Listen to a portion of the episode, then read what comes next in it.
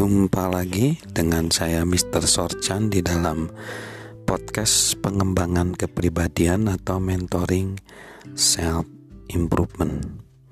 Saat ini kita akan masih di dalam pembelajaran tentang penyebab kesusahan bagi diri kita sendiri. Kita ada di poin yang ketiga tidak sesuai. Coba kita memeriksa terlebih dahulu sikap kita jika kita tidak menikmati keadaan kita. Terkadang perubahan dalam situasi tertentu juga perlu. Terkadang tidak sesuai kemampuan, minat, kepribadian, atau nilai-nilai dapat menjadi penyebab kegagalan yang kronis. Contoh, seseorang bernama David Brown. Dia seorang produser film. Ia memulai karirnya dalam perusahaan dan dipecat dari tiga pekerjaan berbeda sebelum ia menyadari bahwa kehidupan bekerja di perusahaan tidak cocok baginya. Setelah berkarir di Hollywood dan menjadi orang nomor dua di 20th Century Fox, ia dipecat setelah merekomendasi sebuah film yang ternyata gagal total. Lalu ia menjadi wakil presiden editorial di New American Library. Namun ia dipecat karena bertikai dengan seorang rekan kerja. Kemudian ia dipekerjakan kembali oleh 20th Century Fox. Namun enam tahun kemudian dipecat lagi bersamaan dengan Presiden Fox Richard Zanuck. Brown memeriksa perilaku kerjanya dan memutuskan bahwa cara-caranya yang lugas berorientasi pada resiko tidak sesuai dengan situasi kerja yang pernah dialaminya. Naluri wira swastanya terlalu besar untuk bekerja dengan harapan-harapan yang membatasi. Walaupun ia telah gagal sebagai eksekutif perusahaan, ia sangat sukses ketika mengejar gagasannya sendiri dengan mantan bosnya Zanuk. Ia dan Zanuk bekerja sama menghasilkan beberapa film populer termasuk yang memecahkan box office yaitu Jaws. Jarang ada hal yang lebih membuat prestasi daripada terperangkap dalam profesi atau organisasi yang tidak sesuai dengan kita. Rasanya seperti harus selalu mengenakan sepatu yang kebesaran atau kekecilan. Apakah kita seorang salesman yang terperangkap dalam pekerjaan bidang akuntansi? Apakah kita seorang eksekutif perusahaan yang lebih suka membesarkan anak-anak? Apakah kita seorang engineer yang lebih suka menjadi pendeta?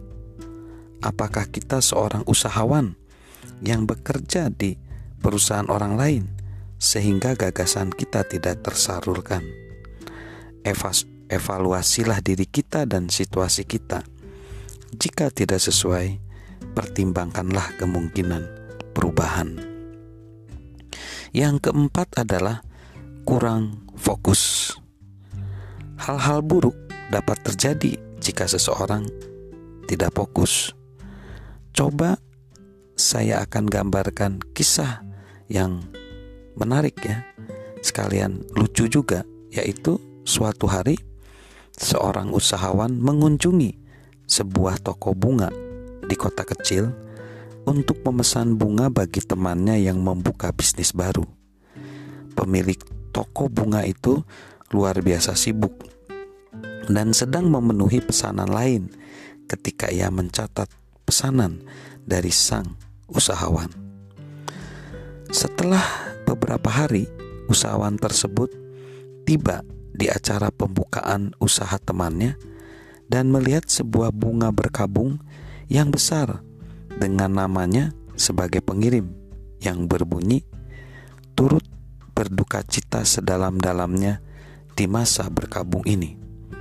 Usahawan tersebut sangat marah ia menelepon toko bunga itu untuk protes dan bertanya, "Bagaimana ini? Tahukah kamu betapa malunya saya?" Terus sang pemilik toko bunga berkata, "Saya minta maaf dan menyesal. Saya sedikit kacau ketika Anda datang. Namun, situasi Anda tidaklah seburuk yang terjadi di tempat pemakaman." Bunyi ucapannya seperti ini. Semoga semoga sukses di lokasi yang baru. Mungkin kekelian kekeliruan tersebut nampak ada lucunya, tetapi sering kali kekeliruan itu bisa menyebabkan kita kacau balau. Orang yang kurang fokus mengalami masalah bukan karena terlalu sibuk, melainkan karena prioritasnya kacau. Dan hal ini membuang-membuang waktu serta sumber dayanya. Jika kita pindah dari satu tugas ke tugas lain terus-menerus tanpa banyak kemajuan, atau nampaknya tidak dapat mencapai suatu sasaran, seberapapun kerasnya upaya kita, periksalah fokus kita. Tak seorang pun bisa maju tanpa fokus. Lalu, yang kelima, komitmen yang lemah. Selama kurun waktu tertentu, sikap apatis mungkin nampaknya baik. Namun, upaya dan komitmen nampaknya kembali harus kita pertimbangkan. Dan ini baik karena tanpa komitmen kita tidak dapat mencapai apa pun yang berharga. Johann Wolfgang Goethe membahas pentingnya komitmen.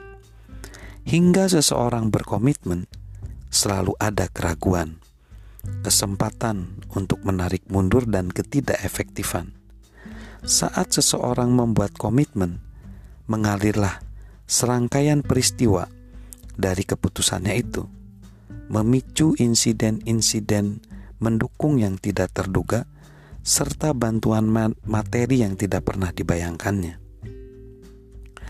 Ter terakhir kali kita gagal Apakah kita berhenti mencoba karena kita gagal? Atau apakah kita gagal karena berhenti mencoba?